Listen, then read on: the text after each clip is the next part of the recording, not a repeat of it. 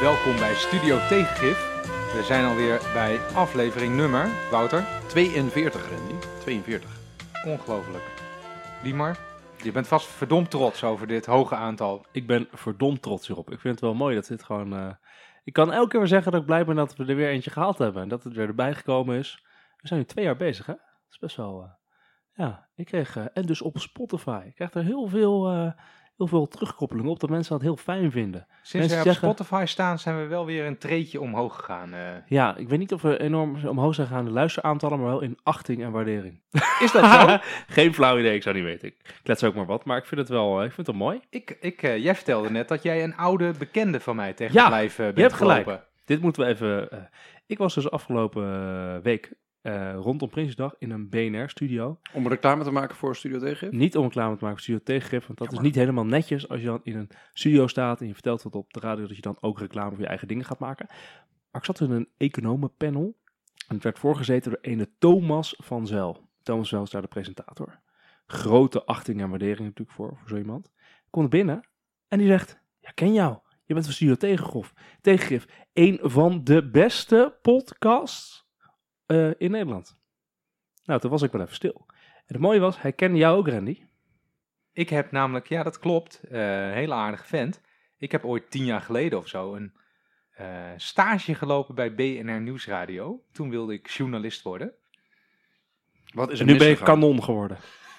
Ja. ja. want jij hebt het kanon genoemd, hè? Misschien even goed om Ja, te van, een delen. van de fans die, eh, die, die ik toevallig ken, die betitelde Randy als een waar kanon. Ik heb, ik heb het gevoel dat dat een compliment is. Ja, ja. Precies, daarbij onderscheid je je Oké, van, eh, jongens. van de rest. Genoeg zelfbevlekking, tenzij jullie nog even... Nee? Nee, ik vind het superleuk om in allerlei gremia waarin je komt, eh, mensen tegen te komen die dan blijken al tijden naar jou geluisterd te hebben. Heerlijk, Dus, wij eh, houden van onze luisteraars. Anders zit je toch ook maar gewoon eh, tegen de muur te lullen. Dus dat is heerlijk. Dank jullie wel, jongens. hey, ehm, wij hebben altijd traditioneel even de gekte aan het begin. En dat gaan we... We hebben ons ook voorgenomen om dat wat korter te doen. Want we verliezen ons nog wel eens in eh, de waanzin van de week. Maar eh, wat er nu deze week in het nieuws was... Moet toch eh, even kort behandelen dus.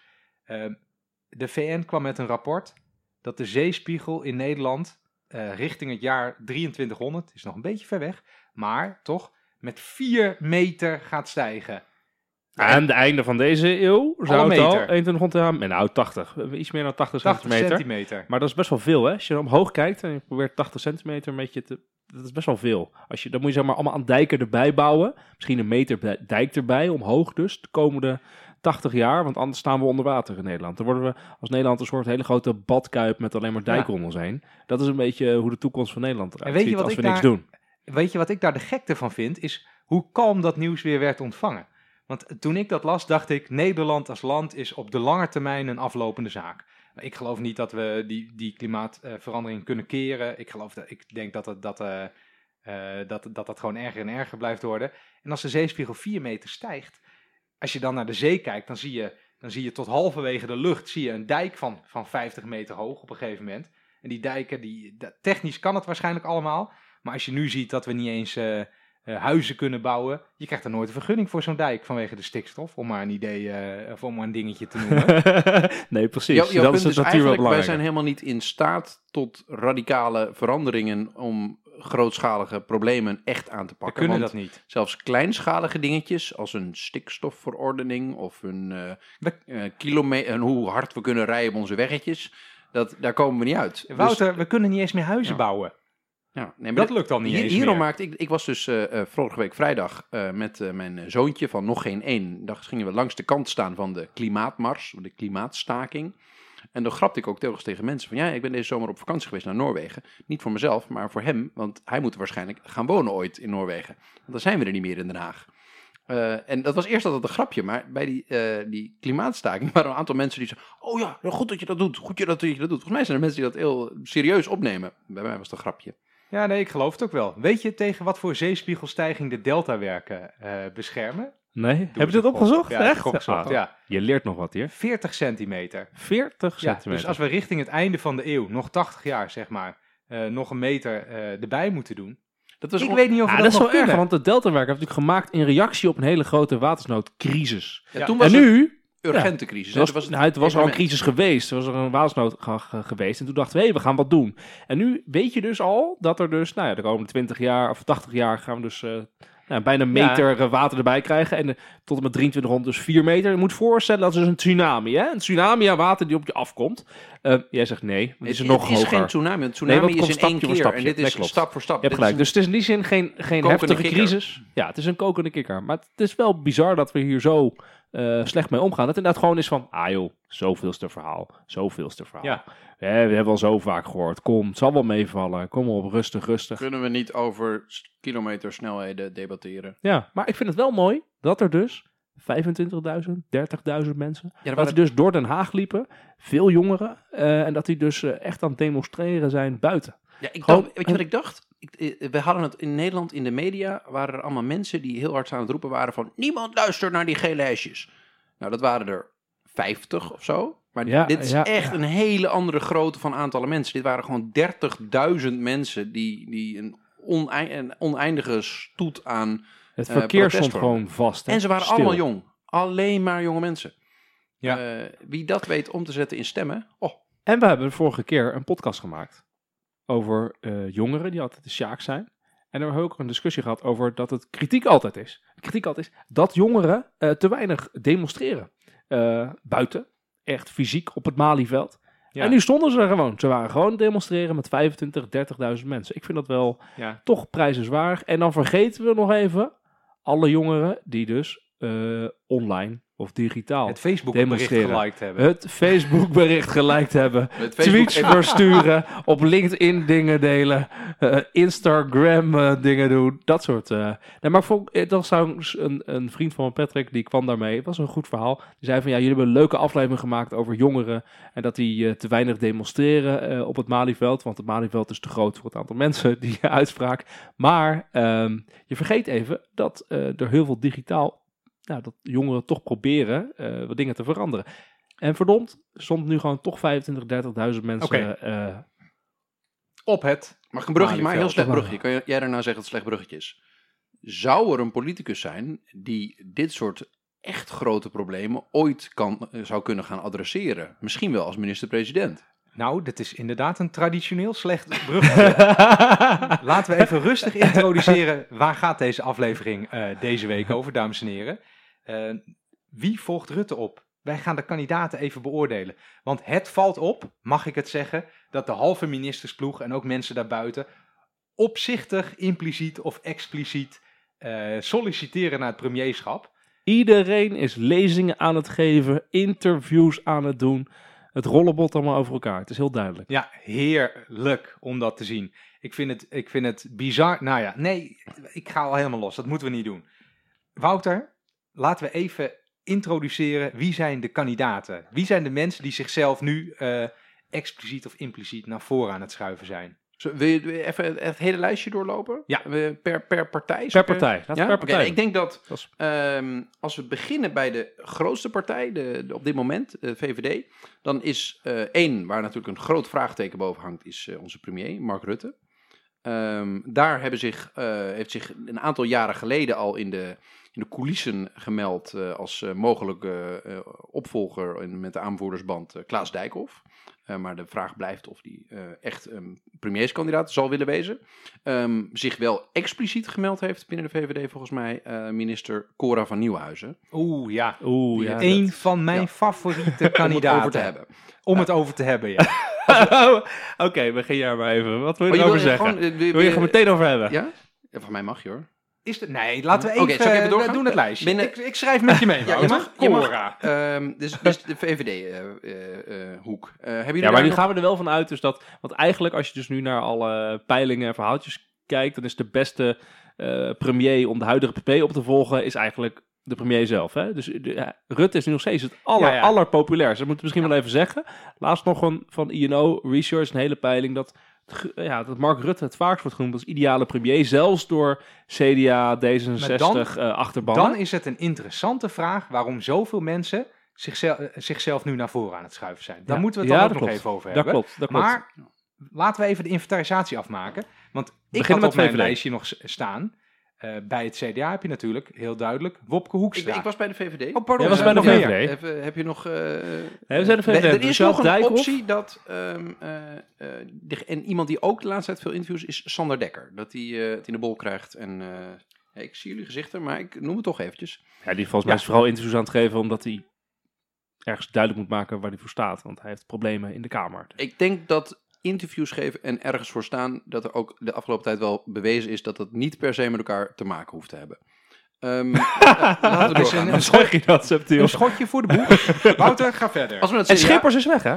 Ja. Edith Schippers als kandidaat, die hoor je helemaal nergens meer. Dat was tot, tot een jaar geleden, zei iedereen rondom de dividendenbelasting, saga en de hele discussie toen. En Rutte was zeker met zijn laatste eh, kandidaat, eh, kandidatuur bezig, periode bezig. Zei, heel veel mensen zeiden, Dijkhoff, mama, we weten het niet met al zijn luchtballonnetjes. Misschien wordt het toch Edith Schippers of Halbe Zijlstra. En die twee namen hoor je nu niet meer. Dan kun je zien hoe betrekkelijk de Dagkoersen, eh, dagkoersen. is. Ja, Rutte laat ook een, een kerkhof van eh, potentiële opvolgers eh, om zich heen achter.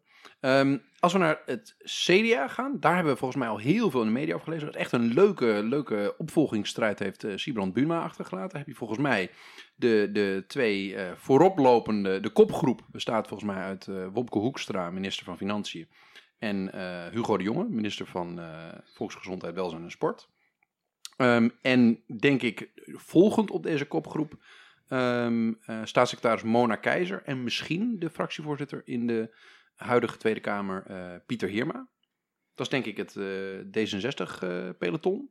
CDA-peloton. Sorry? CDA-peloton. En dit zijn ook wel, eh, vooral de eerste twee, Hugo de Jonge en Hoekstra, zijn als een malle lezingen en speeches aan het geven. Dit zijn de En echte topfavorieten. Hè? Deze twee Ja. zijn echt volledig aan het warm draaien. En met CDA is er ook een heel sterk gevoel dat ze, als Rutte zou stoppen, dat ze dan met een van deze twee eh, de- gewoon de, de premierskandidaat... Nou, en dat is ook helemaal niet zo'n gekke gedachte. Want eh, als je terugkijkt naar het, het peilingverloop, een beetje vaag woord, van de tijd dat het CDA eh, de grootste was. Op een gegeven moment eh, stortte dat een beetje in. En toen zag je heel duidelijk dat VVD en CDA die wisselden gewoon van stuivertje. mhm. En bij het CDA hebben ze dat ook gezien, natuurlijk.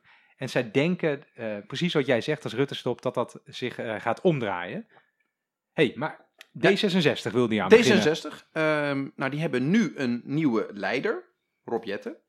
Ehm, er bestaat natuurlijk gewoon een kans dat die doorgaat en de, de laten we zeggen, de nieuwe jonge Messias op eh, de, de, de redelijke middenklasse Maar hij wordt toch niet echt genoemd of schuift zichzelf eh, naar voren. Ja, ik denk dat moet je nog niet uitvlakken of daar nog wat eh, aan zit te komen. Oké, nou ik schrijf hem op. We in gaan, de, hem- in we de- gaan langs. de D66-burelen zijn ze ook hard aan het nadenken over een herpositionering, vermoed ik. Nou, dat moet dan Ehm, heel bijzonder worden.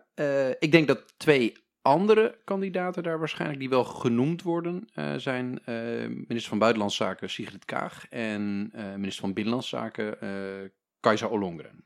Ik vind zo charmant. Ja, nee, wacht. We moeten het. Hou het kruid ja, droog. je- je Ga door, wat, Wouter. vinden. Ja. Ehm, dat is dus de VVD, D66 en het CDA. Ja, dan kom je bij. Nou, la- de- de- ben, willen we de, de ChristenUnie ook nog eventjes? nee, joh. Oké. Dat, is, dat makes no sense. Nee, dat is, Maar hele populaire ja, een van de ministers. hebben hele populaire Hele ministers. populaire ministers, Arie Slob en. Carola Schouten Ja. worden altijd genoemd in de top van de eh, eh, populariteitscijfers van eh, binnen onze kabinetsploeg. Zal ik, ik heb dat opgezocht. Zal ik zo even Ja, een ja, overzicht doe me geven? doe. Ja. Ehm, binnen de P van de A, ehm, naast de, de, de traditionele partijen die nu in het kabinet zitten, ehm, heb je natuurlijk de huidige leider Lodewijk Asscher. Eh, maar ook eh, Tweede Kamervoorzitter Kadisha Ariep wordt wel eens genoemd. Ehm, nou, dan denk ik om het even het lijstje af te maken, zou je nog eh, een... Oh, en wil nu... Ja. Jij wilt Ja. altijd Timmermans ook in het lijstje hebben, hè, Randy? Ja, maar Timmermans die zit natuurlijk nu Die zit op vast. Zijn, ja, en die zit zit vast in Europa. ook op Ja. zijn, droomplaats. Eh, Nou, en er zijn wel peilingen geweest. Ik ben zelf wel gecharmeerd van eh, Frans Timmermans. Omdat hij heeft wat, wat, wat je als politicus moet hebben. Gewoon een 100% geloof in jezelf. En ik vind het ook, ik vind, het is een geweldig vent. Nou, laat ik de fanclub even Ja. eh, tot zwijgen En brengen. Abu nu. Talib is ook weggevallen Abu uit het lijstje, ja. Maar die wordt vaak Daar hebben we het ook niet meer eh, over. Nee, die is weg. Ehm, nou, en als op links heb je natuurlijk ook bij GroenLinks heb je nog gewoon eh, Jesse Klaver. En, ehm, eh, Vooral door zichzelf genoemd. eh, Ja, ja, je bent al direct zo opinierend, eh, Randy. We Ehm, waren gewoon een lijstje aan het maken. ja, we waren gewoon en een lijstje sorry, aan het maken. sorry. en misschien ooit nog eh Femke Halsema als, eh, Ja, als ja, een, ja, een ja, ja. revival eh, als burgemeester. Daar heb ik ook nog een leuke peiling over. De grootste stad. Ja, Ben ik nog mensen vergeten? Daar, daar ben ik nu wel een beetje aan, eh, aan toegekomen. Ja, je hebt Thierry Baudet. heeft zichzelf natuurlijk Heeft al zichzelf ook meermaals eh, gekandideerd. Wilders is natuurlijk eigenlijk gewoon de leider van de Tweede Partij van Nederland, hè? als je eerlijk bent. Dus in die Scherp, zin scherp. zou het, is, zou het premierskandidaat moeten zijn. mag ik even noteren dat toen ik net over Klaver zei dat hij zichzelf gekandideerd had, dat ik een reprimande kreeg. En net zeg jij over Thierry Baudet, heeft zichzelf naar voren geschoven. Jij meet keihard met twee maten, Wouter Welling. Ja, ja. Nee, ik, moet- ik zal bij deze bekennen dat ik eh, de een meestal verstandigere dingen vind zeggen dan de andere. Heel goed. En niemand heeft gezegd dat je consistent moet zijn in het leven, hè? Nee, dus dat is ook heel een- goed. hey, eh, zijn we er doorheen? Want dan wil ik Heb, graag... ben ik nog mensen waarvan jullie denken van... Goh, ehm, we zitten nu in het 2,5 jaar van dit kabinet. Over eh, anderhalf jaar hebben we verkiezingen. Gaat er nog iemand opstaan die we net niet genoemd hebben... eh, die het hele landschap... Want dat gebeurt vaak, hè? Dus wij kunnen nu eh, analyseren wat we willen. Maar hebben we iemand nog niet helemaal op de radar? Nou ja, weet je, laten we ook niet doen alsof er wonderen kunnen gebeuren op dat vlak. Je moet eigenlijk aanvoerder zijn of genomineerd worden door een grote partij. En anders gaat het gewoon niet gebeuren. Toch? Ja, daar ben ik het mee eens. Ik Oké. kan nu ook even niemand meer eh, verzinnen. Ik vind het al lang genoeg lijstje om een Oké. eh, uur mee te De vullen. Gaat allemaal nominaties goed zijn komen. gesloten. Ja. Ja. En dan gaan we nu beginnen met de beschietingen. hey, ik heb dus een fantastische peiling gezien van eh, de kabinetsleden, hoe zij het doen. Ja. Dat is wel leuk, want veel van de, eh, wat ik aan het begin zei, het valt dus heel erg op dat de helft van het kabinet ehm, uitstraalt dat ze er wel aan denken. Van, zou ik misschien de volgende premier kunnen worden? En laat ik, laat ik voorop zeggen dat ik dat heel wonderlijk vind als je ziet wat voor eh rotzooi de portefeuilles van sommige ministers nog zijn. Hè, ik vind het bijvoorbeeld ongelooflijk dat iemand als Cora, Cora van Nieuwenhuis eh, in haar gedachten bezig is met de vraag of zij premier kan worden. Terwijl hij, wat doet zij eigenlijk? Wat is dit nou? Wat doet zij? Ze heeft gewoon een portefeuille, toch? Infrastructuur, ja. Ja. Waar Precies. houdt zij zich mee bezig Met eigenlijk? Lely, Lelystad, vliegveld Lelystad. dat en dat die open maar. gaat. Ja. Want er is stikstofproblemen en niemand wil het. Behalve Nee. de VVD. Daar houdt ze zich mee bezig. Nee. En het premierschap dus. Nou goed, ik, ik, dwa- ik, oh, ik ben helemaal mezelf kwijt vandaag ook. En zij komt nu in de problemen. Want ze mag nu alle VVD-hobby-dingen mag ze weer terug gaan draaien. Als in 130 rijden. Dan Ja. moet zij straks met de stikstof amber terug gaan draaien. Dat vindt ze echt niet leuk. En Lelystad gaat ook niet open. Wordt één grote ellende. Dus zij gaat geen dingen binnenhalen meer waarmee ze kan, eh, zichzelf kan profileren. Maar ze kan wel de kaart spelen. Ik ben van de VVD-kandidaten de enige vrouw. Dus dat, die, dat gaat ze spelen. Die, Ja. die, die, kan, die kaart ook- gaat ze Oh, spelen. Ik denk dat dat misschien ook wel letterlijk het enige is dat voor haar spreekt. Maar ik had net beloofd na, na even de, de, de waarderingscijfers van de ministersploeg Ja. ehm, eh, onder ogen te nemen. En wat dus heel erg opvalt, er zijn drie groepen. Ja. Je hebt de groep die het stempeltje oké krijgt. En eh, die, die hebben ook een eh, approval rating, zou je kunnen zeggen, van tussen de 50 en de 40 procent. Dat is al heel schamel, hè? Maar dat is de top dus, hè? Dat is de top. Eh, precies. Dan heb je de, de zesjuf-studenten, heb ik ze genoemd. Maar die hebben een approval rating tussen de 35 en de 30 procent. Dat is al tamelijk laag, zou ik durven zeggen. En dan heb je echt het kneusje-segment onderaan. En die, die, hebben, die hebben tussen de 24 en de 18 procent steun onder de Nederlandse bevolking.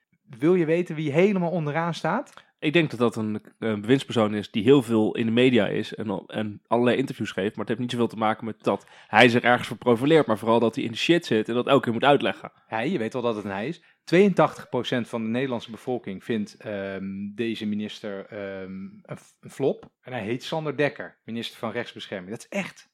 18% van de mensen vindt maar dat hij het goed doet. Nou ja, het is een, het is een diepterecord, denk ik. Bovenaan, in het segmentje oké, heb je dus ehm, de minister van Financiën. Traditioneel, Altijd. altijd, altijd, de meest populaire Zoals wij minister. zeggen, blijf ademen en je bent populair. Ja, exact. Eh, maar slechts 51% Ik heb toch wel het gevoel dat dat in het verleden wel meer was. Tweede, tweede, tweede meest populair, Carola Schouten. Dan heb je Slop. Dan Hugo de Jonge, zit ook eh, hoog. Dan Mark Rutte, de premier. En dan Grapperhuis. Nou, dat is, dat is het top, zeg Maar maar. CDA doet dus goed. Hè? Dus, eh, CDA heeft een populaire bewindspersoon. Dus in de zin van, Ja. als je nadenkt van, als je kijkt naar het kabinet en Rutte zou stoppen, en je gaat alleen maar uit bewindspersonen kiezen, Je hebt drie dan CDA's. heb je CDA zit dan op de eerste rij. Absoluut. En dan heb je, het, dan heb je de zesje studenten. Bijleveld, Kaag, Stef Blok, Wout Koolmees. En toch ook, ik heb de hik, Cora van Nieuwenhuizen. Die scoort eh 29% van de bevolking vindt dat zij het goed doet. En dan heb je dus echte suffertjes achteraan. Eh, Bruno Bruins, minister van Medische Zorg, die, die ik vooral trouwens ken van het sluiten van ziekenhuizen en het feit dat hij Formule 1 in Zandvoort wil.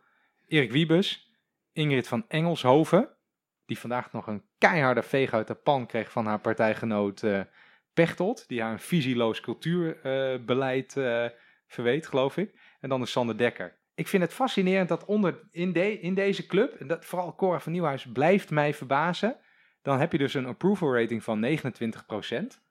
Eh, al je dossiers zitten in de shit. En jij gaat dan interviews geven over dat je premier wil worden. Dat zegt iets. Wat zegt dat dan volgens jou? Dat je met helemaal met de verkeerde dingen bezig bent, denk ik dan. Vind je dat niet raar? Ja, nou ja, ik, eh, ik ben het met je eens. Punt. ik heb voor de rest niet zoveel te zeggen. Ik denk dat ik ben het met je eens. Ik, ik, eh, ja. ik vind het sowieso altijd een zwakte bot op het moment dat je zegt, zoals zij doet, van... eh, ja, inderdaad, je kent haar alleen maar van, van, van, van rotzooi. En dan ineens, Lelystad. Ik zou echt Ja, serieus en dan niet weten. Nog ergens meer? zit ze ineens in de tv en zegt ze, ja, het wordt wel tijd om eh, dat, dat er ook een keer een vrouwelijke kandidaat komt. En eh, ik zou het ook kunnen en ik wil eigenlijk wel premier worden. Als dat niet het geval is, dan wil ik wel minister van Financiën worden. Dat Weet is je, alsof ook het een... raar? Dat heeft ze gezegd, hè? Dat, Dat, vind ik ook wel raar? heel Dat is alsof je bij de autodealer binnenloopt die zegt ik wil een blauwe auto, maar als die er niet is wil ik ook een groene. Zo, daar deed ik Ja, een beetje aan denken. Het is een beetje alsof je blut bij de, bij je blut bij de dealer komt binnenlopen en zegt... Doe mij maar die Porsche en als dat niet lukt, doe me die Mercedes maar. Ja. En ik neem hem nu mee. Doei! Dat geld wil ik lenen. ja. Eh, nee, wat ik vooral denk, is wat, interessant, wat het interessant maakt, wat jullie eerder zeiden, is dat er dus heel veel mensen zijn die zichzelf aan het kandideren zijn. Zijn wij, kijk, uiteindelijk zo, in de politiek werkt het zo dat het beste jezelf profileren gebeurt wanneer anderen jou noemen. Ja. Ehm, we, we- we kennen de aloude wethouder Hacking, die eh, eh, permanent eh, beweerde dat hij genoemd werd. Dat is zo omdat hij daarmee aangeeft dat anderen hem noemen. Deze mensen doen een soort wethouder hacking, maar dan op een wat modernere manier. Die geven interviews in de hoop dat anderen hen zien en dat ze vervolgens genoemd gaan worden. Ehm, maar wat ik interessant vind, is dat er boven de markt hangt, gaat onze huidige premier dit kunstje nog langer doen. Want dit is gewoon een razend populaire eh, premier, die net de algemene politieke beschouwingen heeft gedaan. En dus eh, de, de debatten in de Tweede Kamer na eh, Prinsjesdag, waarbij de, de begroting wordt besproken. Dat gebeurt altijd door de minister-president zelf. En die kwam daar echt soeverein doorheen. Het was echt alsof hij stond te discussiëren met een, met een schoolklas. Eh, en dat was onze volksvertegenwoordiging. En dat deed hij echt ontzettend goed. Inhoudelijk sterk, grappig, gevat. Ik kwam eigenlijk niet aan het eh, twijfelen. Ehm, maar als je dat dan ziet, dan vermoed ik dat ook in de hoofden van veel van die bewindspersonen of, of politi- politici speelt van, goh, als die Rutte doorgaat, ja, dan, eh, dan, dan, hebben, dan wordt het een moeilijke klus voor mij. Maar alsnog is iedereen zich aan het profileren. Dus vermoed ik dat er misschien wel iets achter de bühne ja, aan het mensen spelen is. die, wat je gewoon merkt, is dat de partijen zijn allemaal aan het speculeren of anticiperen op wat als Rutte zegt ik stop ermee. Want Rutte zal ook wel ergens denken, hoogstwaarschijnlijk, hey, eh, ik wil niet eindigen zoals, noem het eens, een Balkenende die dan keihard verliest in zijn laatste Mhm. eh, campagne. Dus eh, weet je, dat mooi weggaan is ook iets wat je een premier die zo lang zit wel... eh, Gracieus stoppen. ja, Dat lastig. stoppen, dat, ja, dat, is, dat is lastig. Maar ja, dat, misschien dat hij dat wel wil. En dat hij dus gewoon zegt, nou ja, een jaar voor de volgende verkiezingen van, uh, zou hij op een later moment doen, van ik ga ermee stoppen, ik ga niet door een volgende termijn. Maar de druk vanuit de VVD op hem zal toenemen. Als hij het zo blijft doen, hij blijft zo populair, dan is de vraag waarom zou je hem aan de kant schuiven en dan met Da- Dijkhoff verder gaan. Want eh Dijkhoff zal het zelf hoogstwaarschijnlijk wel willen. Eh, maar ja, eh, dat de VVD daarmee de grootste wordt, is niet. dat is echt geen gelopen race. Nou ja, Dijkhoff is ehm, geen Rutte natuurlijk. Nee, hè? nee, precies. In ieder geval is toch niet. wel iemand die, die... Rutte is op zich wel een goede premier, gegeven dat de VVD de grootste partij is. Hè, hij vertegenwoordigt hun gedachtegoed toch op een goede manier. Hij houdt anderen ook te vriend. Hij is, hij is een emabel man. Nou, dat kan je van Dijkhoff niet echt zeggen, denk ik. Nee, ja, wat ik ook interessant vind, is dat eh, Rutte heeft zich eigenlijk nooit echt, eh, tenminste helemaal aan het begin, toen hij fractievoorzitter was, nog wel een beetje ge, ge- gepositioneerd met een eigen pamflet en zo. Het was nog een beetje groen-liberaal en dat soort dingen, maar toen was hij zich wel aan het profileren. Dat heeft hij eigenlijk vanaf het moment dat hij de grootste werd, heeft hij dat laten vallen. En is hij niet meer echt met, eh, met vergezichten gekomen. En zie je dat Dijkhoff als fractievoorzitter echt probeert een nieuwe VVD neer te zetten. Wat wel lastig is natuurlijk, eh, want je hebt gewoon tien jaar eh, VVD-regering, eh, erfenis, die er ook op staat. En ja, dan moet je dat als, als Dijkhoff maar doen. En je moet ook maar hopen dat je dan niet de kiezer van je vervreemdt. Want je wil eigenlijk de kiezers die nu op Rutte stemmen, want wij vinden Rutte zo, eh, eh, zo amabel, die wil je wel bij je houden. Dat is wel lastig nu, want Dijkhoff is en een heel duidelijk een ander persoon dan Rutte. En het gedachtegoed wat nu aan het neerzetten is voor de VVD, is een beetje linksig. Dus dat is niet Nou meer ja. het, het VVD-gedachtegoed waar niet Rutte voor staat. Er werd onlangs een, een zelfs binnen VVD-burelen is het tegenwoordig eh, eh, oké om te praten over doorgeschoten marktdenken. Eh, en om, om dat soort dingen eh, bespreekbaar te maken. En nou ja, dat had je, eh, denk ik, een jaar of acht geleden. dat is onmogelijk. Ja, maar dat, dat, ik denk dat, kijk, Rutte heeft nu een goede algemene beschouwing gehad, hè. En het is even, er zijn even al een poosje weinig serieuze schandalen geweest binnen de VVD. Ehm, De vorige week uh, Wiebren van Haga. Hè? Het ja, ja, daarom, ja, maar dat zag iedereen al, al van mijlenver aankomen natuurlijk. is gewoon de maandelijkse, de Ja. maandelijkse opstapper. Die, die, Je hebt ook die site, hè, is er al een VVD opgestapt.nl. Het is ook hilarisch Ja, eh, hoeveel we- daar staan. Zetten we in de show notes. Wat ik wilde zeggen is, misschien eh, een verklaring voor de reden dat half Den Haag zich warm loopt om Rutte op te volgen, is dat je ziet dat de VVD heeft eigenlijk alles uitgevoerd wat ze eh, tien jaar geleden, denk ik, uit wilde voeren. En het, is- misschien ga je dan een beetje ten onder aan je eigen succes. Ook in de zin dat je nu geconfronteerd wordt met de gevolgen van je eigen beleid. Ja, dat is Hè? waar. De publieke sector is, helemaal waar. afgebroken. Er gaan gewoon scholen dicht omdat ze geen leraren hebben en zo en dat soort dingen. De belastingdienst helemaal uitgekleed. De lonen die willen maar niet stijgen. Nou, dat is ook echt een gevolg van hè, eh, de maatregelen op de arbeidsmarkt. Ik noem maar even een paar voorbeelden. En nu kan je wel zeggen, oh ja, nou misschien zijn we een beetje doorgeschoten. Laten we omdraaien.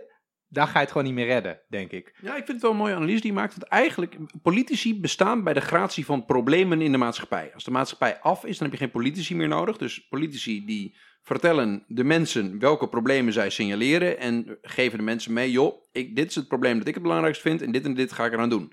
Maar als je van de afgelopen twintig jaar, zoals de VVD, er 17 in het kabinet hebt gezeten. Dan is het heel lastig om te beweren dat het niet jouw problemen zijn die je eh, gaat benoemen om vervolgens daarbij een oplossing te schetsen. Maar dan het zou juist pleiten dat eh Dijkhoff de leider van de VVD moet worden bij de volgende verkiezingen. Want die kan nog, zou nog enigszins geloofwaardig kunnen zeggen...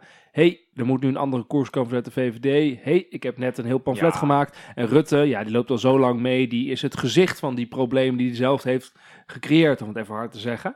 Dus dan vervolgens zou je voor Dijkhoff eh, kiezen. Ja, maar dan, oké, daar zit wat in. Maar dan snap ik wel dat ze bij het CDA denken, nu zijn wij aan de beurt. Ja, ik snap Dit het is heel goed. kans. Oh, dit is Snap een mooi goed. bruggetje. Randy. Nee, nee, Een bruggetje, Ik wil nog, nog? ja, ik wil, geen bruggetjes. Ik wil nog wat anders doen. Jij zei net, Wouter, Ja. ehm, dat die mensen zichzelf allemaal naar voren schuiven. En dat dat, dat ook wel zo is geweest dat anderen, eh, je, dat je door anderen wordt genoemd als premier. Mhm. Ik was dus even aan het researchen voor deze eh, uitzending en ik las een geweldig eh, stuk van Thijs Broer in Vrij Nederland. Hij zegt, half Den Haag wil tegenwoordig premier worden. Zelfs de kwakkelende VVD-minister Cora van Nieuwhuizen heeft zich gemeld. Zij is dus al de illustratie hè, van hoe kansloos je kan zijn als je, als je je meldt. Maar hij zegt, er is maar één echte kans hebben om Rutte op te volgen. Wopke Hoekstra. Wat jij ook zei, eh, Wiemar. Hij is de enige, eh, volgens eh, dit artikel, die ook nadrukkelijk door anderen genoemd wordt. Sterk, sterker nog, hij, dit vind ik wel een leuk titeltje. Hij zegt, hij spreekt over het koor van schaamteloze zelfoverschatting. En dan noemt hij ook ehm GroenLinks-lijsttrekker Jesse Klaver, die riep dat hij ook premier wilde worden. Thierry Baudet, die zei op eh, voor hem karakteristieke wijze: Ik denk wel dat het nodig is dat ik premier moet worden. Dat is ook een leuke manier om het te zeggen trouwens. Maar hij zegt: Ja, er is maar één die door anderen genoemd wordt: Hoekstra. Ja, Wiemer, jij noemt hem al eh, sinds een jaar geleden. Ja, ik Eh. denk ook nog steeds dat op het moment dat Rutte ermee stopt en gaat dus een nieuwe verkiezingsronde in, dat eh, als dan Hoekstra de kandidaat voor het CDA is, dat hij dan premier wordt. Dat, Ja. Want er valt gewoon aan de, op de rechtsconservatieve kant valt een hele kiezersgroep vrij. Ik denk dat dus de, Dijkhoff niet zo populair is als Rutte. Dus die gaat zweven. Dan heb je een minister van Financiën. Nou, die heeft eh, vier jaar lang geademd, dus die is populair. Hoekstra heeft ook een eh, goede achterban. Dus ik denk, nou, een goed verhaal. Hij is ook allemaal lezingen aan het geven. Dus mensen hebben ook het gevoel dat het nog ergens voor staat. Dus ik denk, nou, dat gaat hij, gewoon, gaat hij dan gewoon prima doen. Hij wil het ook. Ja, hij gevoel. wil het Hij is zeker. echt mee bezig. Hij is er alleen maar mee bezig. Dat denk ik ook, ja. Denk ik ook. Je ziet ook, dat vind ik mooi bij het CDA, dat zijn dus duidelijk drie kandidaten nu. Ehm, namelijk Hoekstra, met ook Hugo de Jonge en dan op een beetje afstand Moda Keizer. Maar die zijn ook proberen een beetje, zijn lezingen aan het geven en verhalen aan het houden. En zijn actieplannetjes aan het beginnen en zijn de media aan het opzoeken. Allemaal om, om eh, populair te worden en eh, meer bekendheid te krijgen. En ik vind dat wel interessant om te zien. Want die Hoekstra, die is de, de ene lezing naar de andere aan het geven. hè? Bij, Dat bij is ongelooflijk. doorzitten, bij Pauw zitten. Ja, die gaat maar door. Dus er is ook, de media is ook hem nu aan het maken. Dat vind ik ook wel interessant om te zien. De media is hem nu aan het helpen. Die zoiets van, eh, hij wordt genoemd, hij wordt genoemd. eh, we moeten hem ook een podium geven, want dit kan hem wel eens worden, nieuwe premier. Dus dat heeft natuurlijk enorm mee nu. Dus eh, eigenlijk moeten de verkiezingen niet al te lang meer duren, want anders is hij weer over die flow heen en gaat hij naar beneden. Maar ik, ja, ik denk dat... eh, Ja, ik heb die, eh, eh, die school... Hij heeft dus recent de HJ Ja, schoollezing gegeven. Wat is de HJ schoollezing, Randy? Ik weet het eigenlijk niet. Nee, dat... Maar misschien even, want hij heeft, hij heeft, hij heeft drie lezingen gegeven waar hij om, ge- om geroemd wordt of over, over, over gepraat wordt. Hij heeft die Humboldt, eh, aan de Humboldt Universiteit in eh, Duitsland heeft die eh, lezing gegeven. Ja. Dat was in mei. Humboldt. Humboldt. En dat ging vooral over Europa en over globalisering en dat je de buitengrenzen van Europa zou moeten verdedigen, maar wel een pro-Europees verhaal.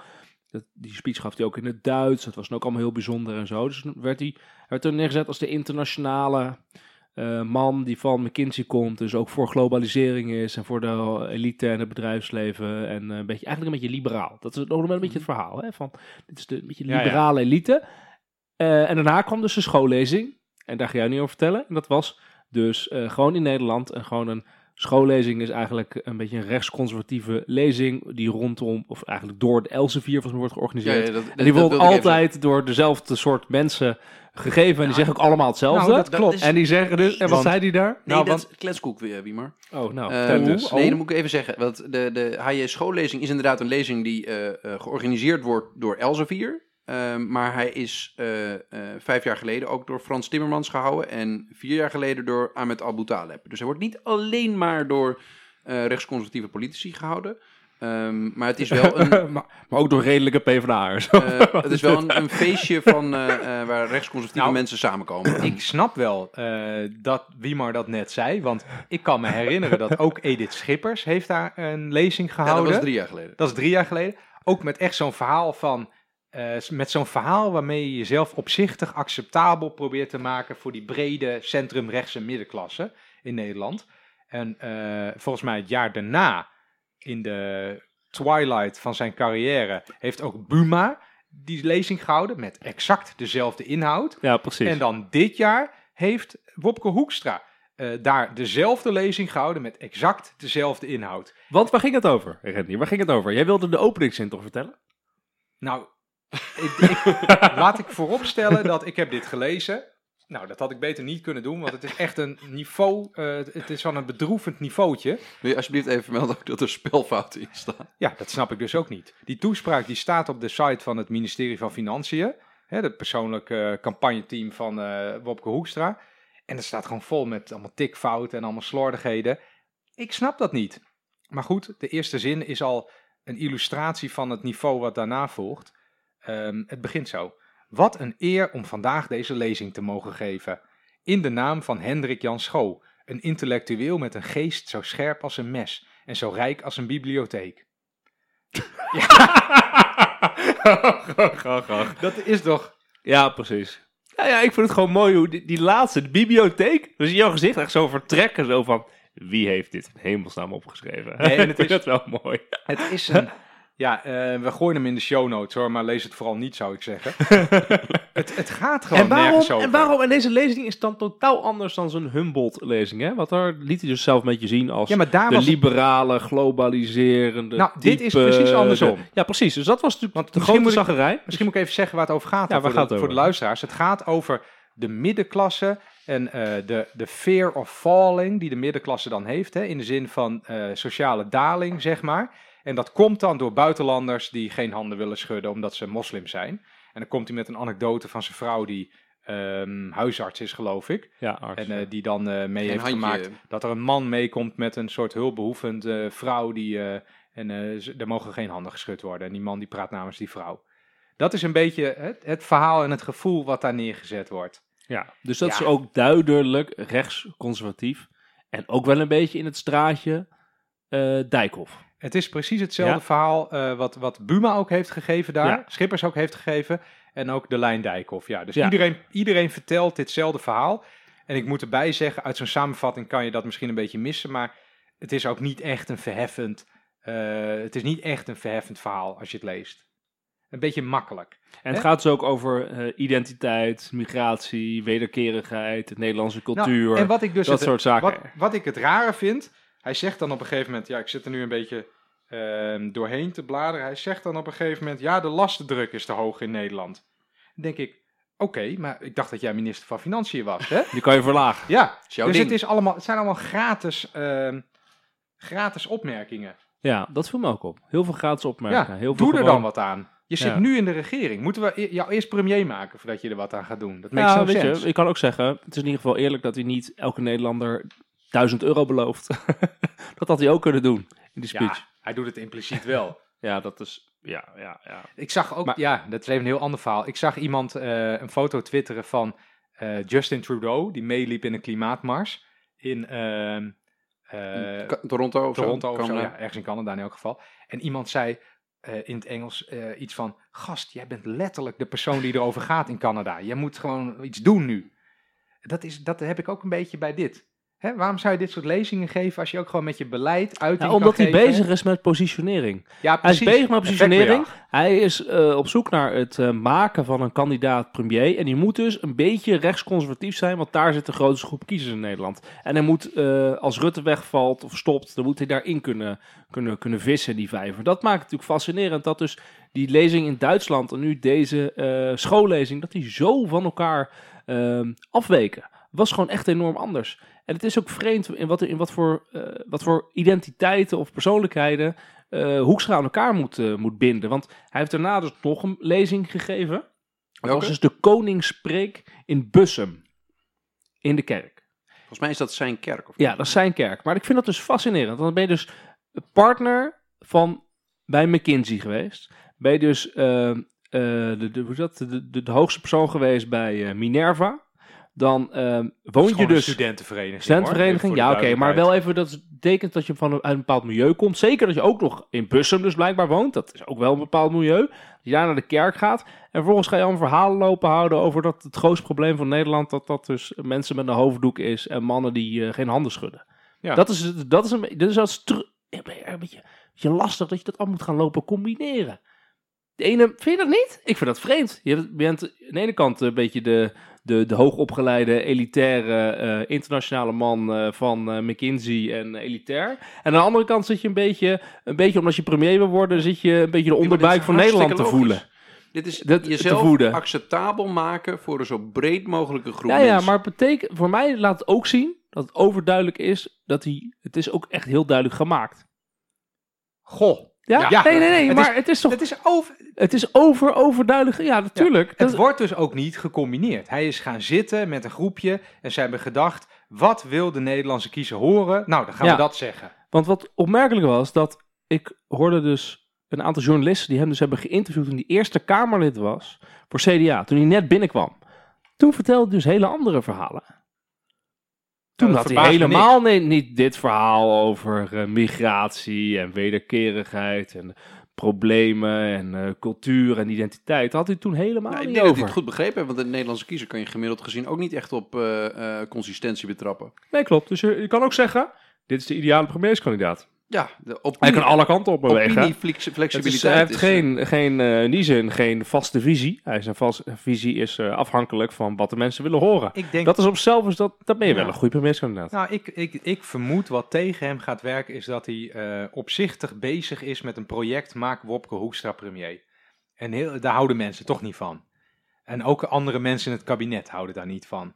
Nee, dat merk je in het dat, kabinet dat is wel. een risico inderdaad. En ehm, wat, wat wel goed is om te noemen is, dat als je het dan over die eh, eh, vermeende, eh, laten we zeggen, strijd tussen twee kroonprinsen bij het CDA hebt, is dat Wopke Hoekstra loopt nog niet zo ontzettend lang rond bij die partij. Echt, dat hij, dat Klopt. hij alle, laten we zeggen, de, de CDA is echt een ledenpartij. Die hebben, dat is nog steeds de grootste partij qua aantal leden in Nederland. En Hugo de Jonge loopt daar al heel lang in rond. Die is wethouder, een hele populaire wethouder in Rotterdam geweest. En die, die kent alle commissies en, en kaders. Heeft voor de eh, Tweede Kamer gewerkt, is ja, politiek precies. assistent Ja. geweest, heeft voor Bijsterveld gewerkt, voor Van der Hoeven gewerkt als politiek Die assistent. eh, dus de, dat is, Ja. er, is nu een, een nieuw kid on the block die zich razendsnel eh profileert. Eh, maar of hij de, het vertrouwen heeft van. Want om, om, om echt de leider te zijn, heb je echt veel vertrouwen nodig van alle mensen die voor jou willen gaan rennen. Heb je gelijk, want Hugo de Jonge is natuurlijk echt een partijman. Iedereen kent hem, hij kent iedereen, komt uit die, uit die club echt naar boven drijven, heeft allerlei functies eh, vervuld. En het interessante is dat hij dus een heel ander verhaal vertelt. Hè? Dus ehm, hij heeft laatst op het Sociaal Christelijk Congres een speech gehouden. Dit ging dus heel erg over, dus niet over eh, migratie en identiteit en cultuur, maar het ging over, je gelooft het bijna niet, maar herwaardering van de sterke overheid. En eh, de marktwerking is, is doorgeschoten. En de zorg moeten we gaan samenwerken. En er is een nieuwe, zijn nieuwe sociale kwesties in Nederland. We moeten gaan verbinden en overbruggen. En het allerbelangrijkste is de uitvoering van de overheid. Daar gaat het nu allemaal fout. En hij wil een aanspreekbare overheid.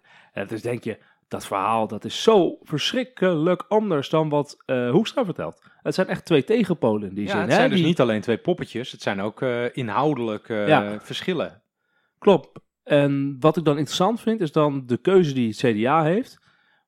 Van, ga je dan voor de kandidaat die dus het meeste stemmen kan binnenhalen? Da- Of- daarvan is jouw assumptie dat dat ik denk dat is? Hoekstra is. Of ga je voor de kandidaat die het meest, in mijn gevoel, het meest bij zichzelf blijft, het meeste partijman is, wat in mijn gevoel Hugo de Jonge is. Dat vind ik een interessante eh, keuze die voor ligt. Ja. En gaan ze uiteindelijk een lijsttrekkersverkiezing doen? Want iedereen heeft natuurlijk grote angsten over lijsttrekkersverkiezingen. Sinds ze dat bij Samson en Asscher niet ah, glorieus leuk afliep. Nee, ik zou het CDA ook niet... Kijk, wat de Partij van de Arbeid toen heeft gedaan... ze hebben toen hun twee beste politici op leven en dood met elkaar laten vechten. En die partij die eindigt een beetje verscheurd en, en verward.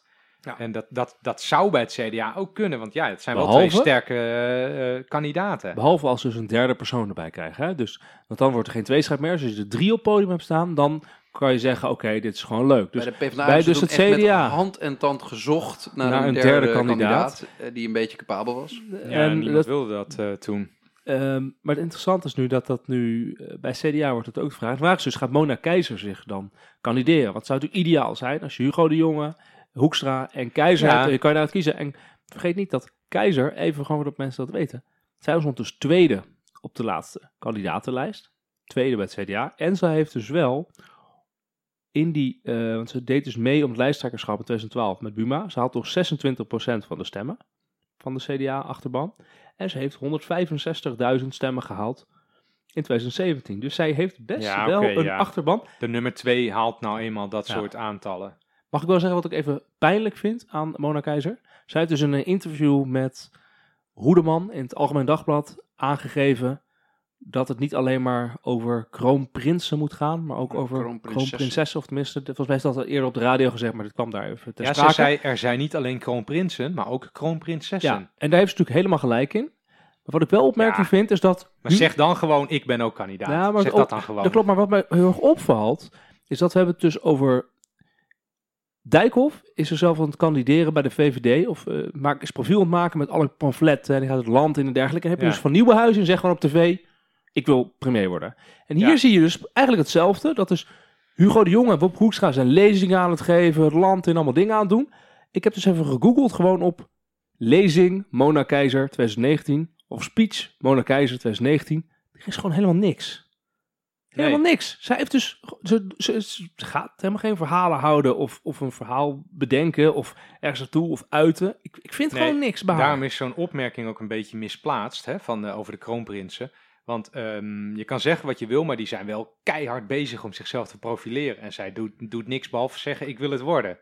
Ja, Het, wa- het was trouwens, het, het is een, eh, hoe zeg je dat?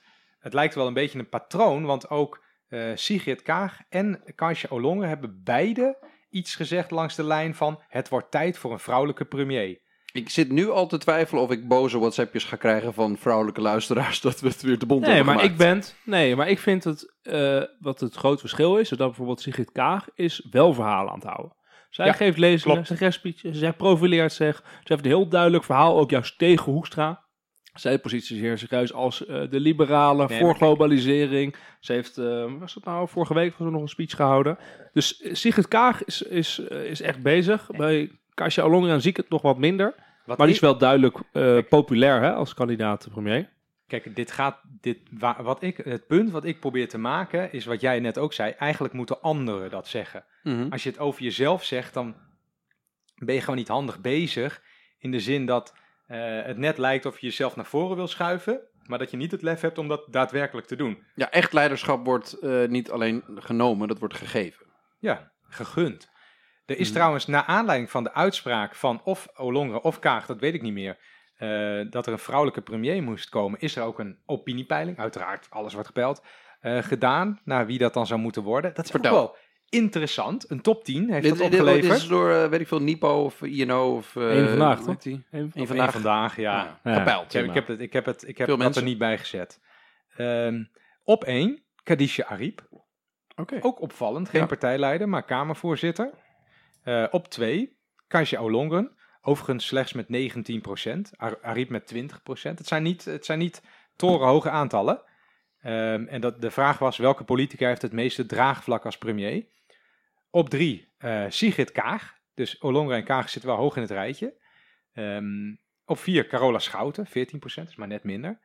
Eh, op 5, Femke Halsma, 11%. Dan kom je al bij ehm, op 6 Fleur Agema, ook 11%. Wat dat betreft heeft de Halsma scoort, scoort wat laag, misschien. Tenminste, ik heb het gevoel dat, dat mensen niet, niet direct aan het premierschap denken als, als ze aan Fleur Agema denken. Op 7 Carola Schouten. Nou, die, die, die, die, kun je Ja, zien. maar je dat- speelt natuurlijk mee dat uh, Carola Schouten van een kleinere partij is. Net als Halsema natuurlijk zit best Ja, wel aan de linkerflank. Ja, uh, Agema zit Cora aan de van rechterflank. die, dat is, die is van de grootste partij. Die staat op 7. Dan kom je pas bij Mona Keizer trouwens. Dan Lilian Marijnissen. En dan op 10, en dat verbaasde me een beetje, Annabel Nanninga. Nou, die had ik nog in mijn hoofd nog nooit Ik zou het wel een keer willen zien, gewoon voor de grap. Eén dag premier, Annabel Nanninga. Kijk wat er gebeurt. Ja, ik had dat gevoel voor, voor Donald Trump en eh, eh, Boris Johnson had ik ook van, oh, lachen, dat, dat wil ik stiekem wel zien. Daar ben ik wel van teruggekomen eigenlijk. Ja, dat is wel Ja, waar. Eigenlijk is, het toch, kan het toch wel meer kapot dan, dan je dacht. Ja, behalve dat George Kelder nog steeds denkt dat Trump, en, of sorry, Boris Johnson grootste dingen gaat doen. Die gaat het allemaal redden. Nou, sorry. Dat, eh, Uiteindelijk is het een martelgang voor iedereen die de representatieve democratie een beetje lief heeft. Eh, en dat, dat zou het waarschijnlijk ook zijn met die, eh, die eh, schreeuwende mevrouw uit Amsterdam. Ehm, maar wat, wat wil je zeggen met dit lijstje van de populariteitscijfers van de potentiële Ik denk dat vrouwelijke D66 voor Sigrid premierskandidaat? Kaag moet gaan. Ik denk dat Kaag eh, meer... ehm denk je dat niet? Ik denk dat, dat Kaag meer electoraal potentieel heeft dan, eh dan Ollongren eigenlijk. Zij komt wel, zij maakt overal indruk waar ze komt. Eh, maar misschien is dat ook wel een beetje binnen die internationale context. Hè? Want zij heeft, eh, nou dat is haar kracht. Ze was ook volgens mij iets van een soort diplomaat hiervoor. Ja, Ja, ja. Ja, ze werkt Ja. voor, de, voor de Verenigde Naties als eh, speciaal gezant. en ze is een soort vrouwelijke Frans Timmermans. Ik zag een filmpje dat ze een toespraak hield waarin ze iets van drie keer van taal wisselde. Ja, en ja, iedereen viel ongeveer in katzwijm over hoe geweldig dat was. Ja, dat is iets wat, wat, wat altijd indruk maakt. Dat je Ja, zoiets eh, kan. En ook echt van Arabisch naar Frans, naar Engels, naar Duits of zo. Hè? Dus eh, mensen die, die werden op slag eh, verliefd op haar. ja, mooi. Maar kan ze dat ook als ze ehm, gewoon in Nederland over de AOW moet hebben? Is ze daar niet een beetje te wereldwijs voor om het over dat soort down-to-earth zaken te hebben? Ik weet het niet. Ik, Ik, weet ik, niet. ik hink eigenlijk een beetje op, op twee gedachten. Dat, dat enerzijds misschien ehm, eh, is het ook zo dat wij het nu te groot maken wat het is om minister-president te worden. Omdat het vaak zo gewoon is van ja, er is een, een, een verkiezingsstrijd bezig. En op een gegeven moment wordt dat een klein beetje een soort polarisatie tussen twee partijen die er eh, hun, hun ding van weten te maken. Dat ze elkaar inhoudelijk eh, als, als concurrent weten te bestempelen. En is er één van die twee wordt het grootste. En de grootste daarvan, die levert de premier. En dat was Rutte. En tot Rutte was het Balkenende. Eh, en, en ja, dat, dat, dat is niet zo dat er daarvoor echt een profilering tot van een premierskandidaat gedaan wordt.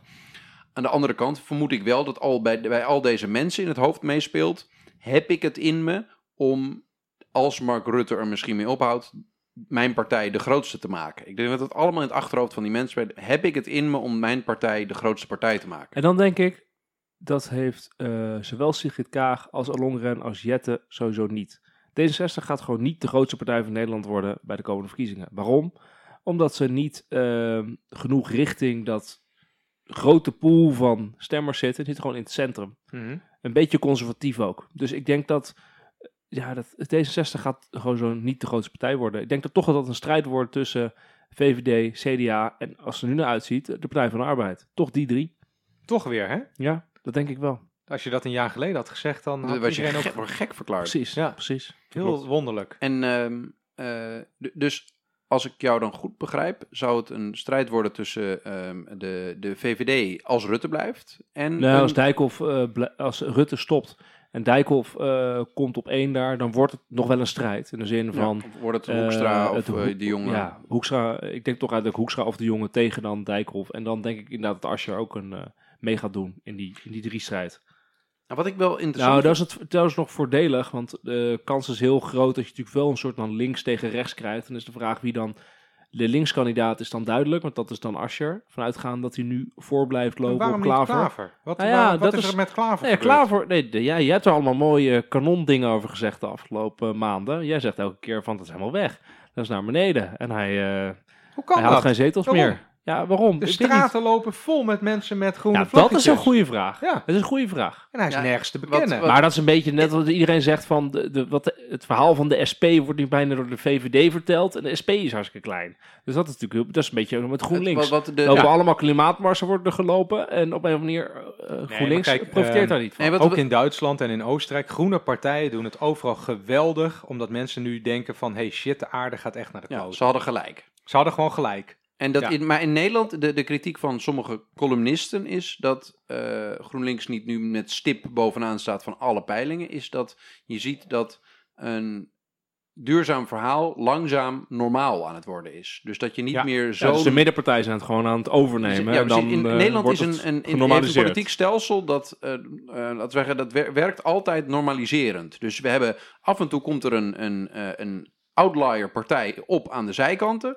En wat er dan gebeurt is dat langzaam, als het een beetje duurzaam is en blijft, zelfs het verhaal van de Partij van de Dieren, zelfs het verhaal van de PVV, zelfs het verhaal van het Forum Democratie, wordt langzaam geïncorporeerd in het verhaal van de traditionele partijen. En wat je met Ehm, nou, dat is een beetje ook wensdenken van mijn kant. Wat je ziet met het verhaal rondom transitie naar een, een duurzame eh, economie, is dat dat eigenlijk gewoon accepté wordt voor alle partijen. En de Hmm. enige vraag is, hoe snel gaan we daar komen? Sommige partijen verdedigen nog een beetje de oude belangen. Andere partijen zeggen, jongens, eh, de, de sneltrein moet aan. Ik, ik, ik ben het daar toch niet helemaal mee eens. Lekker. Omdat ehm, ik, ik had laatst opeens had ik een, had ik een, had ik een idee, namelijk eh, zowel aan de linkerkant als aan de rechterkant eh, hebben beide kanten twee, he- zijn met twee hele goede dingen bezig. Namelijk aan de linkerkant zijn ze eh, bezig met eh, klimaatverandering en met sociale ongelijkheid. En dat vinden mensen allebei belangrijk. En als je daar peiling over houdt, dan is het toch hè, 80% van de bevolking zegt, daar moeten we wat aan Ja, doen. als iemand daar op links een topverhaal op heeft, ben je een premierskandidaat. Ja, Punt. exact. En aan de rechterkant hebben ze ook twee hele populaire dingen, namelijk eh, een kritische benadering van migratie en een kritische benadering van de Europese Unie. En dat is ook eh, enorm populair. En het lukt beide kanten niet om die crossover te maken. Want jij zegt Nou, dat je ook de anders eh, dingetjes een beetje Ja, omarmt. want ze zien wel, ehm daarom begon Rutte al in het begin over groen rechts. Ze zien wel dat ze die crossover moeten maken om groot te worden. Maar nu zie je dat eh, wanneer het gaat knellen, bijvoorbeeld met dat stikstofbesluit, dat ze bij de VVD toch zeggen, ja, maar Zandvoort moet open. Koet, koet, koet. Ik wil Vroom horen dan. Zo, ja, hoe ja, dat is inderdaad wat er gebeurt. hoe debiel wil je het hebben? Minister van Volksgezondheid notabene, die dat zegt. Het lukt gewoon niet. Want puntje bij paaltje vinden ze dan toch die autootjes belangrijker dan het klimaat. En het is ook ehm, andersom. Hè? Daar hebben we het nu niet over. Maar ook links lukt het niet. Je ziet ze pogingen doen, zeker bij de Partij van de Arbeid, om wat kritischer te worden op migratie of wat kritischer te worden op de EU.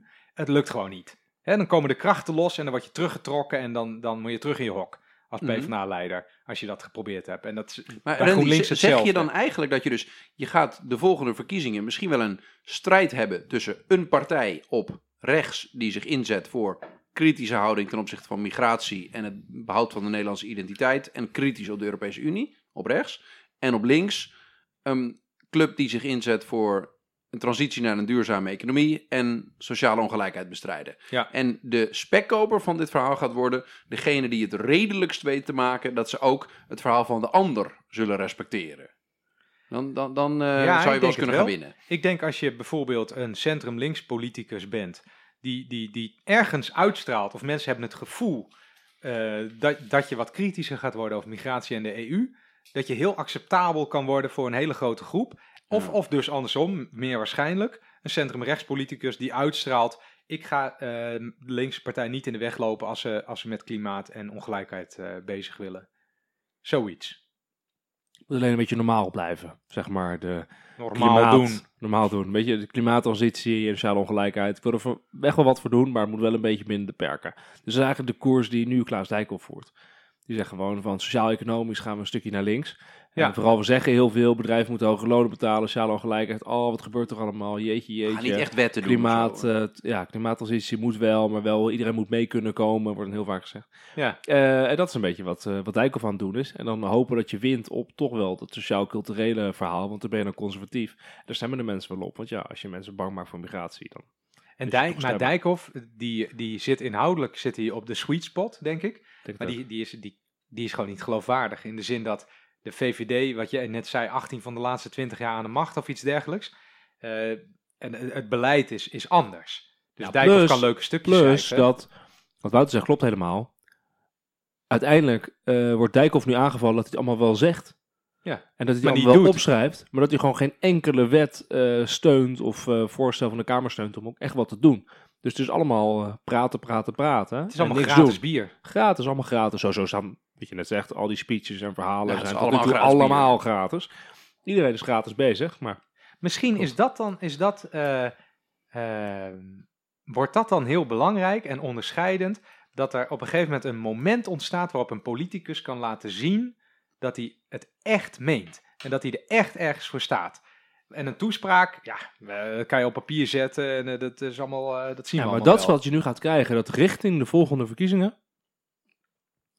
Dat er toch even het gevoel kan komen bij die coalitiepartijen. En dan vooral bij het CDA. Moeten we niet er toch een keertje breken of iets op het spits drijven. Ja, Om te laten zien dat we toch net een tikkeltje socialer zijn dan de VVD. En dat wij er wel weer voor willen staan. Dus profiel maken van het CDA ten opzichte van eh, VVD. Dat gaat natuurlijk eh, komen. ja mijn En theorie- D66 gaat het ook krijgen. Nog richting de verkiezingen. Gaat niet goed op het onderwijs voor de Engelshoven. Maar, maar misschien Ja, moeten we maar- toch een keer breken. Gaat, gaat komen. We komen het laatste jaar. D66 is niet in staat tot, ik vind het een sympathieke partij, De- nee, maar dat meen je niet. Randy. D66 is niet in staat tot een koerswijziging. In de zin dat als je bij D66 zegt: kom, we gaan naar links. Dan zegt de rechtervleugel: nee, nee, geen sprake van. En andersom: kom, we gaan naar rechts. Zegt de linkervleugel: nee, nee, nee, ik wil, ik wil rechtdoor. Dus D60 gaat altijd gewoon recht op de electorale nederlaag af. En dat is ook. waarom Jeetje. jeetje. Ach, Ja, Ja, de- ze winnen ook wel eens, dus dat kan gewoon niet wat je zegt. Zo- Zo'n consistentie van jou in al die podcasts, die moet je dus ook ver te zoeken. Want bij de eerste tien podcasten was D66 jouw aardsvijand. Ja, daar ben je nu van teruggekomen. Ik vind het een sympathieke Ik hoorde- partij. ik Wouter, hoorde- kijk, wij ik kijken elkaar hoorde- meteen aan van wat, wat is ik dit nou voor hoorde, ik hoorde een wijs man in deze podcast zeggen: wie heeft gezegd dat je consistent moet Dat was ook heel wijs. dat was ook heel Ik wijs. denk dat je zou een goed politicus zijn. hey, eh, we moeten toch over ehm, meneer Ascher hebben, of niet? Want die loopt nou een beetje weg in ons verhaal. Ja, of wordt hij de derde die met de, de Nou derde ja. hond die het met het Eh, Ik been denk Ja, wat, van wat wel interessant is, is dat iedereen gesteld heeft van die, eh, die broederstrijd tussen eh Ascher en Samson, waarbij eh, ze allebei eh, als het ware knock-out op de grond lagen na, na afloop. En één helaas de campagne in moest. En waar de PvdA, hoe wat is het, negen zetels overhield. Daar is nu wel een flinke kentering in gaande, waarbij die partij eerst een soort van done was en de schuld kreeg van alles wat Rutte 2 had gedaan. En nu zijn ze met de Europese verkiezingen, misschien door het Timmermans effect, maar misschien ook door een beetje dat het verhaal waaraan gewerkt wordt, zijn ze langzaam aan het opkrabbelen en eh, zich aan het klaarmaken om, ja, hij, hij wordt al steeds in die opiniepeilingen gezien als tegenwoordig de, de, de populairste oppositieleider. En had ook weer bij eh, de, hoe heet het, de algemene politieke beschouwingen de prijs gekregen van de, de, vanuit alle journalisten eh, consortium van de beste debater, geloof ik. Ja. Ehm, en nou, het, het is, eh, volgens mij is, wordt daar heel langzaam, het schijnt ook dat hij een soort mediabureau heeft ingeschakeld, al een half jaar geleden, om te werken aan de profilering. Zeker zijn. Eh, ja, precies, aan, aan, aan dus eh, her- herhalende boodschappen, een, een eenduidig verhaal. Dit vertelde hij gewoon bij de Wereld Draait Door trouwens hoor. Dus er werd Ja. een beetje gedacht alsof het een soort onthulling was. Ja. Maar hij wil gewoon laten zien dat hij, heel, dat hij echt serieus bezig is. Maar hij is ook, wat ik dus goed vind, hij maakt dus geen fouten. Hij, is gewoon, hij maakt gewoon geen fouten. Hij komt solide. nooit. Hij is heel solide. Hij komt niet in die zin vervelend in het nieuws.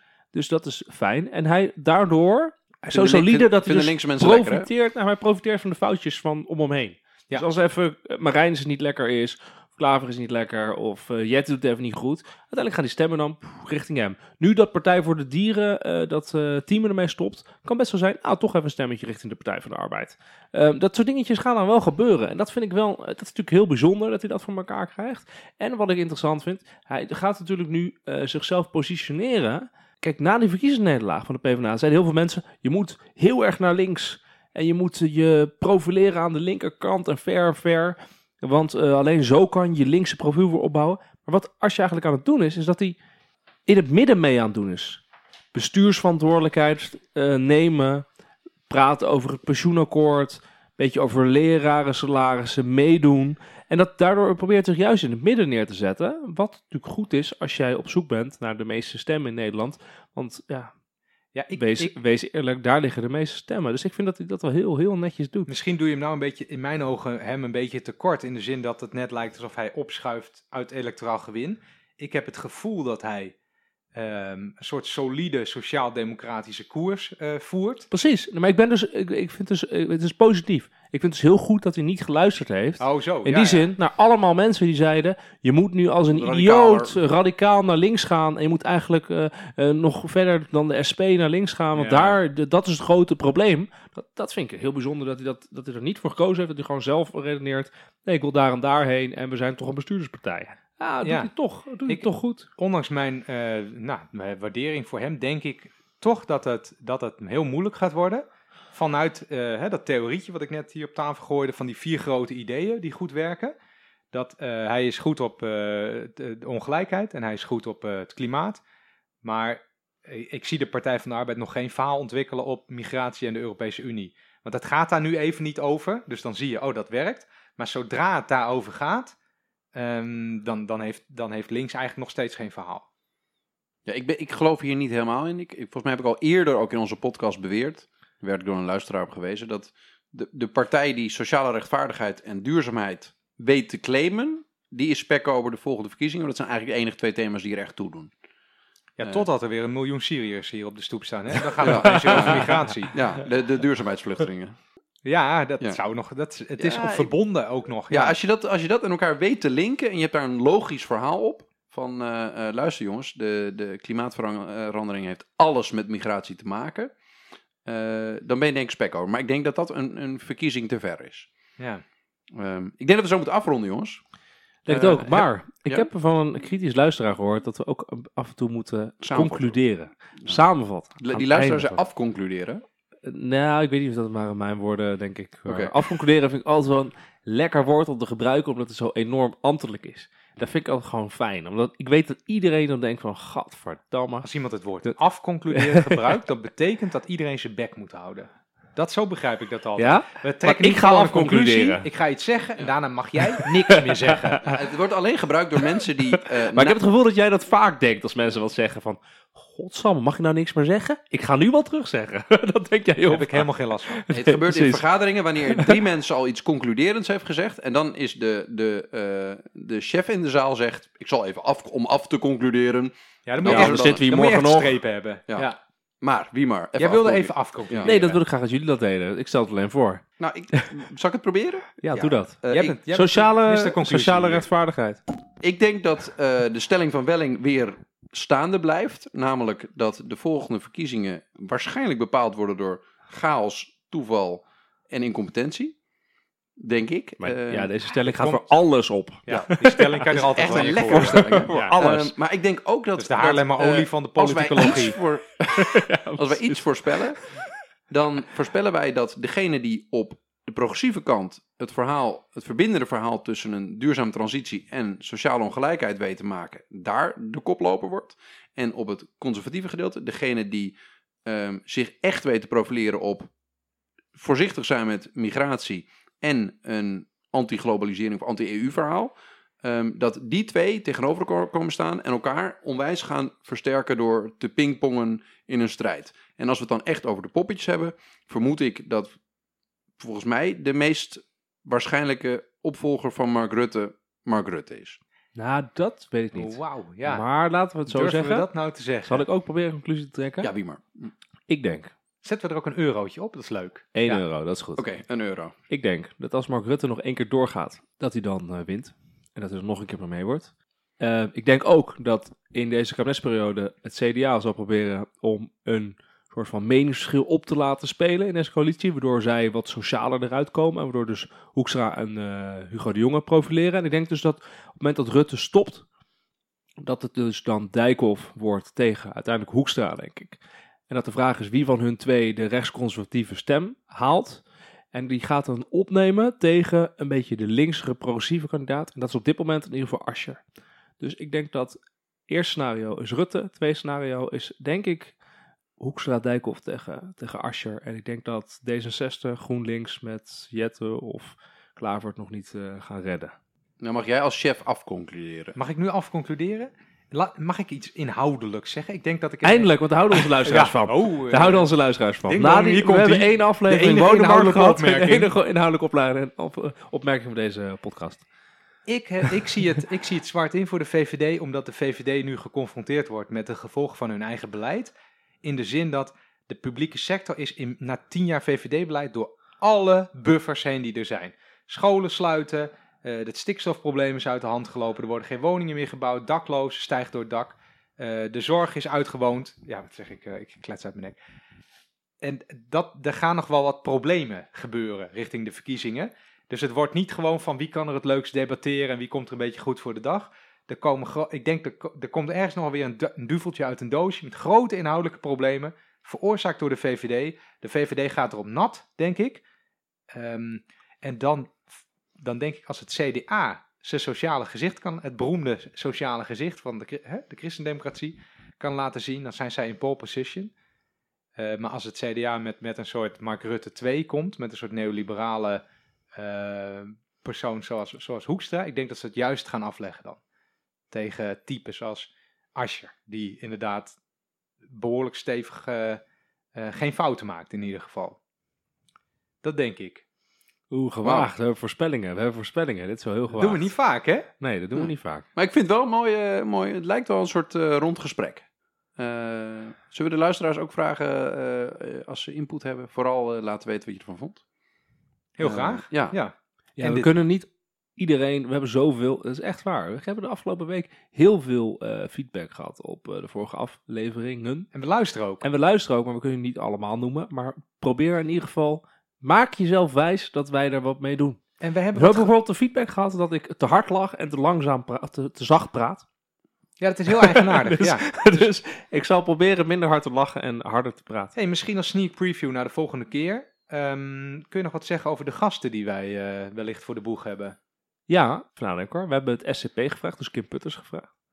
Eh, maar de vraag is even of, eh, want we willen graag over de sociale staat van Nederland eh, praten. Dus dat gaan we misschien een keer doen met iemand van het SCP. En het tweede was, eh, nu ben ik even... eh, Je bent weer aan oh het ja, luisteren. Robin eh, Fransman hebben wij gevraagd. of hij eh, ook in de podcast wil komen. En dat eh, ging niet doen. Dus hij ging een eh, datumakkoord geven.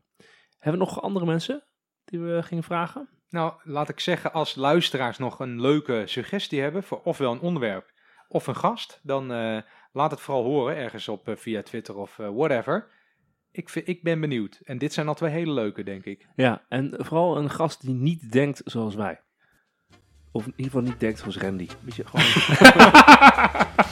Dus hij mag wel precies denken zoals ik. Hey, ik voel dat we aan het einde zijn gekomen. Bedankt voor het luisteren. Bedankt voor het luisteren. Yes, bedankt.